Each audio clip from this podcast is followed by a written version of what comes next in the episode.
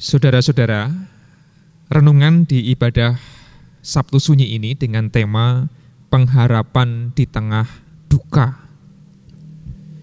Jikalau kita berbicara tentang duka, maka yang identik dengan itu adalah jikalau kita menyaksikan pengalaman adanya kematian.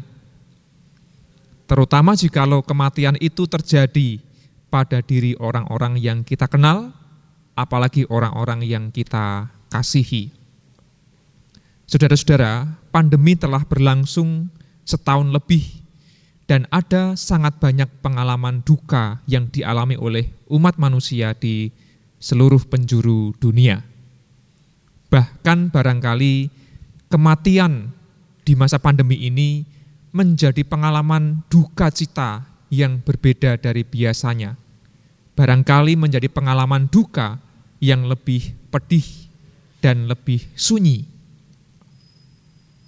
Saya pernah dua kali melayankan ibadah pemakaman untuk orang terkasih yang meninggal harus dengan protokol COVID-19.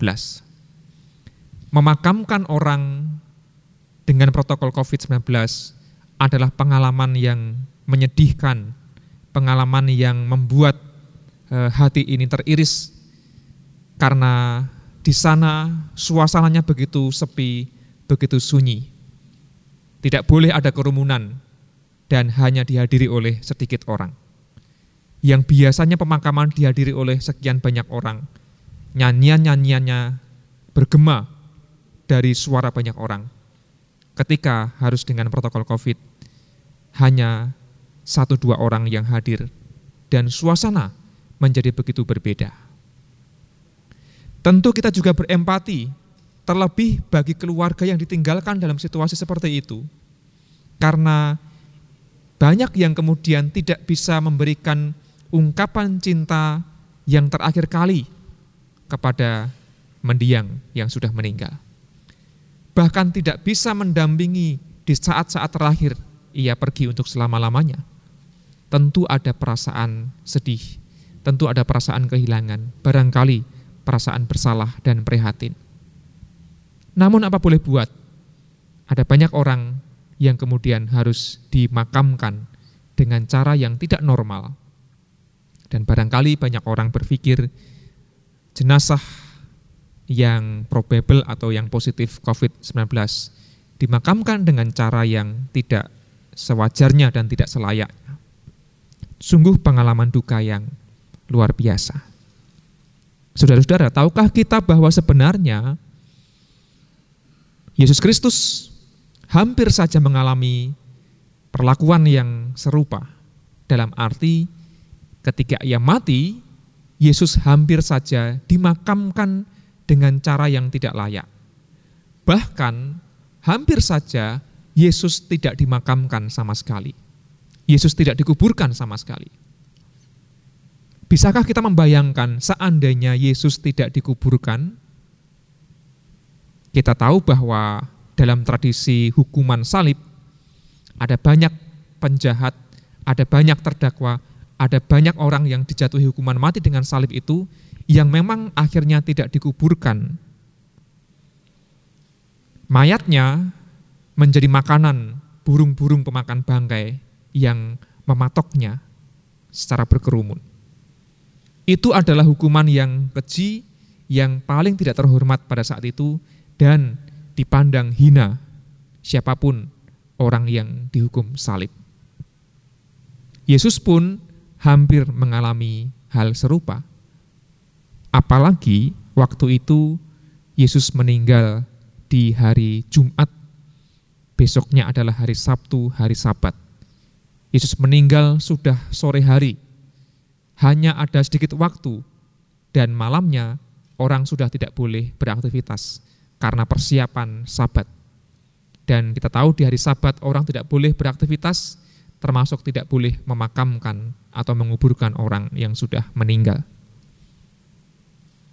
Syukurlah dalam bacaan kita tadi dikisahkan ada orang baik yang bernama Yusuf yang berasal dari Arimatea.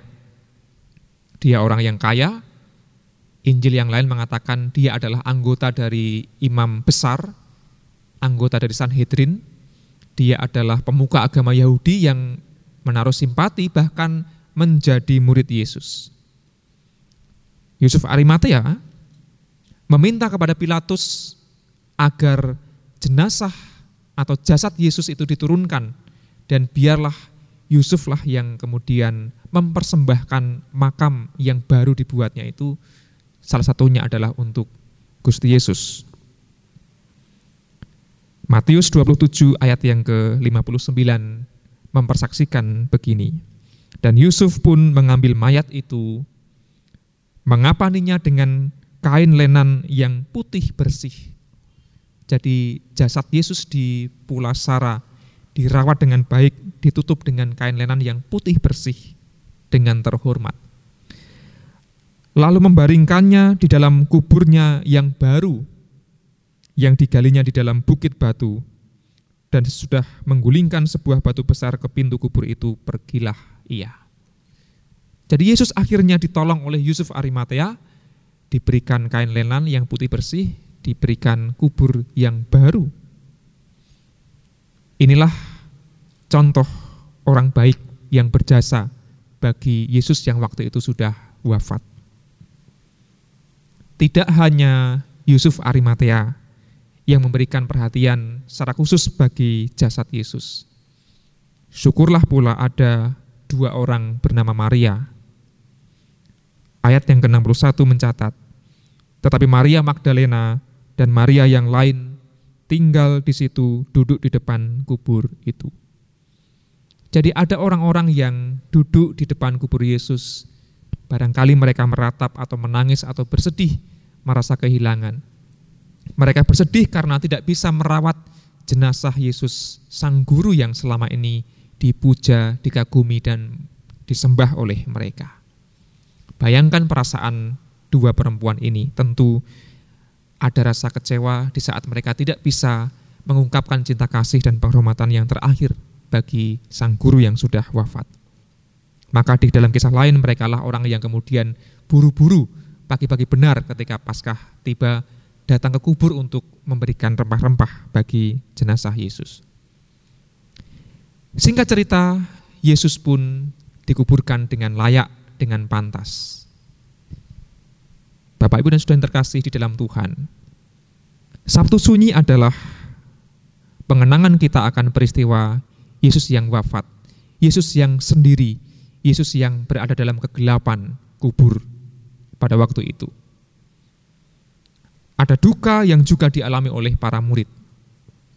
Namun pengalaman kegelapan, pengalaman kesepian, pengalaman kesunyian, dan juga pengalaman duka itu ternyata bukanlah akhir dari kisah Yesus. Ada pengharapan di tengah duka. Paling tidak melalui peristiwa Yesus yang ditolong oleh orang-orang yang baik itu, kita bisa belajar sesuatu. Bahwa orang-orang yang sedang berduka dan bersedih membutuhkan uluran tangan dan cinta kasih dari orang-orang baik. Barangkali orang-orang baik itu adalah kita semua yang diundang oleh Tuhan untuk memberikan pertolongan, perhatian, dan dukungan kepada mereka yang berduka. Atau sebaliknya, jikalau kita adalah orang yang sedang berduka, sedang merasa kesepian, ada dalam kegelapan dan kesunyian, selalu ada harapan untuk kita. Karena Allah pasti mengutus orang-orang baik yang menolong kita, memberikan bantuan dan perhatian. Bapak, Ibu, dan Saudara terkasih di dalam Tuhan, pengalaman duka cita, pengalaman kesepian, hidup dalam kesunyian dan penuh dengan misteri yang gelap barangkali tidak kita inginkan. Namun bukankah terkadang kita sampai pada tahap dan fase seperti itu?